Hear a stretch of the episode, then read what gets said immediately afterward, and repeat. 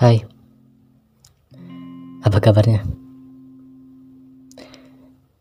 Rasanya sudah sangat lama semenjak saya merekam podcast terakhir saya. Yang mungkin kalian dengarkan, yang mungkin juga tidak kalian dengarkan.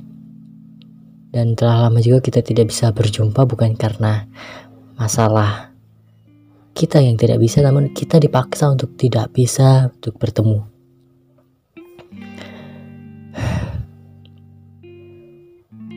rasanya ingin sekali aku menelponmu melakukan video call denganmu. Namun sepertinya tidak layak lagi untuk melakukan itu.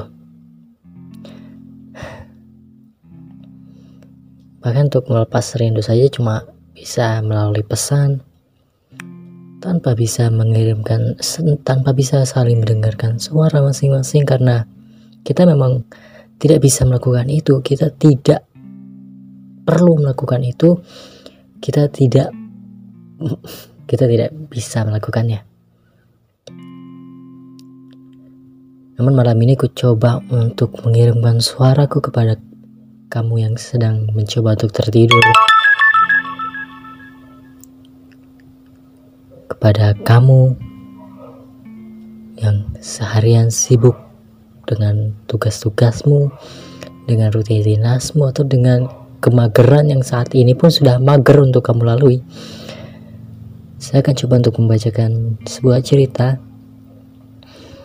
Saat ini mungkin baru bisa saya yang melakukan yang menyampaikan sebuah cerita mungkin nanti kita bisa sama-sama bercerita tentang kehidupan kita satu hari ini tentang apa yang kita lalui, tentang apa saja yang terjadi kepada kita, apa saja yang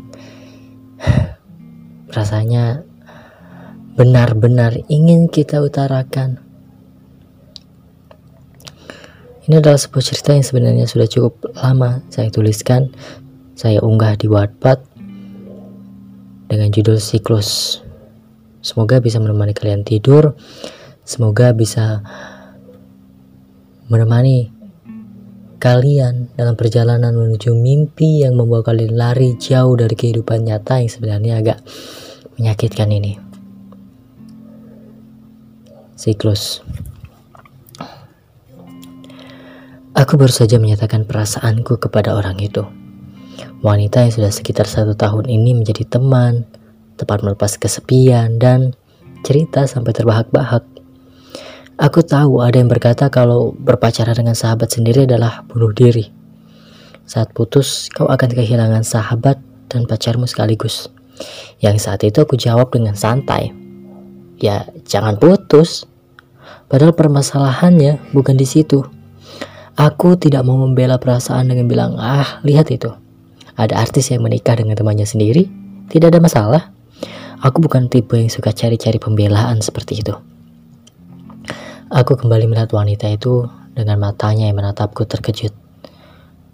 Mata yang membawa semua rasa yang tidak mampu kebendung terlalu lama. Jar, kamu bilang apa tadi? Bidadari menjatuhiku sejuta kekaguman, bertanya seolah tidak mendengar apa yang tadi aku katakan. Ah, aku tidak berlebihan menyebutnya bidadari. Namanya, namanya memang bidadari. Aku sayang kamu, Bi. Ucapku mengulangi. Aku tidak pernah dihinggapi bahagia seperti ini. Dia anugerahi untuk bisa jatuh hati kepada wanita nyari sempurna yang cuma bisa aku lihat dalam cerita roman picisan. Lanjutku. Aku tidak mengerti kenapa seorang pribadi jarak batu bara bisa mengatakan sesuatu yang seperti itu. Aku pernah menyatakan perasaan sebelumnya, tapi tidak seperti ini. Bidadari adalah perasaan berbeda. Dia bukan perasaan yang biasa. Dia kemudian tersenyum. Jantungku berdetak dengan ritme yang aneh. Kedua tangan bidadari memegang pundakku. Dia membuat ritme jantungku semakin cepat, membuat mataku tidak bisa berpaling. Perlahan senyum itu turun. Apa pun yang aku lakukan, kamu jangan bergerak dari sini, ucapnya. Bidadari kemudian berpaling dan pergi jauh sampai menghilang di balik belokan jalan. Aku masih diam di tempat, tidak bergerak seperti apa yang dia minta. Sampai mendung mulai datang, tetes hujan perlahan jatuh, seolah memberitahu kalau bidadari memang tidak usah turun ke bumi.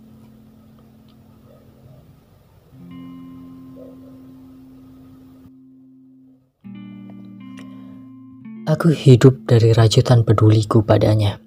Aku tak peduli rajutan itu dipakainya atau tidak. Tapi aku hidup dari sana. Aku tidur bersama kelopak matanya yang tertutup. Tak peduli dia memikirkanku sebelum hanyut dalam buai atau tidak. Yang penting, aku tidur dari sana. Senyumnya adalah tarikan napasku dan tatap matanya adalah hembusnya. Aku bergantung pada keduanya.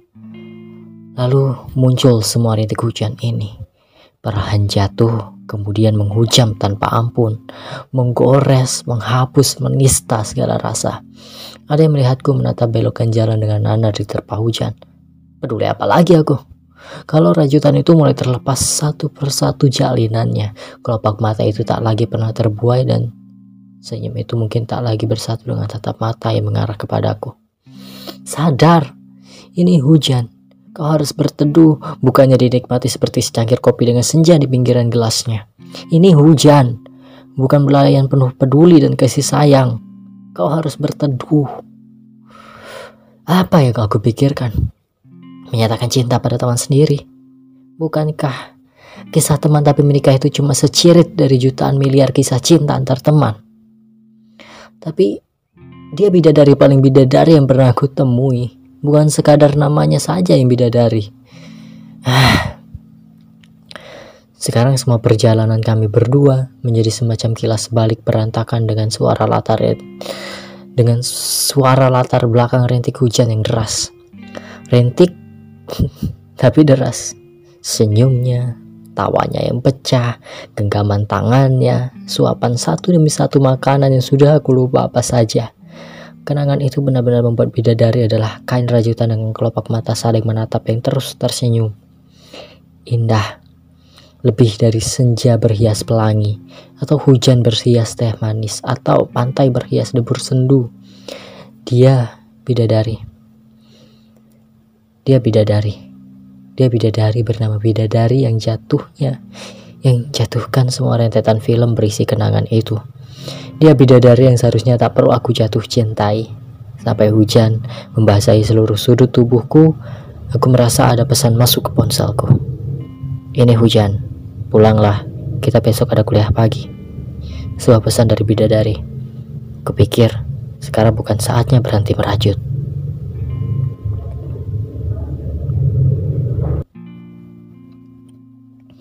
Semalam aku tak melihat foto profil WhatsApp bidadari.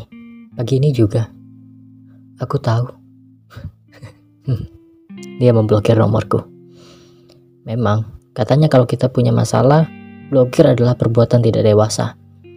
Namun aku tahu maksud blokir bidadari adalah jangan hubungi dia dahulu. Tak mungkin dia pasti membuka blokirnya. Mungkin. Barangkali. Oleh sebab itu aku datang kuliah lebih pagi dari biasanya. Lebih pagi dari biasanya bidadari datang. Itu dia. Dia baru saja datang. Dia melihatku, langsung memalingkannya, menguapkan setiap harap. Sejak kemarin sih. Setelah duduk, dia kemudian melihat ke arahku dan menggerakkan kepalanya, menandakan ajakan untuk keluar. Ada sesuatu yang sepertinya mau dia jelaskan. Seharusnya kita tidak perlu kenal sejak awal. Bidadari langsung mengucapkan sesuatu yang sedikit membuat retakan permanen di sekitar dadaku. Seharusnya kamu yang tidak ajak aku kenalan, balasku. Kalimat yang berkeruh.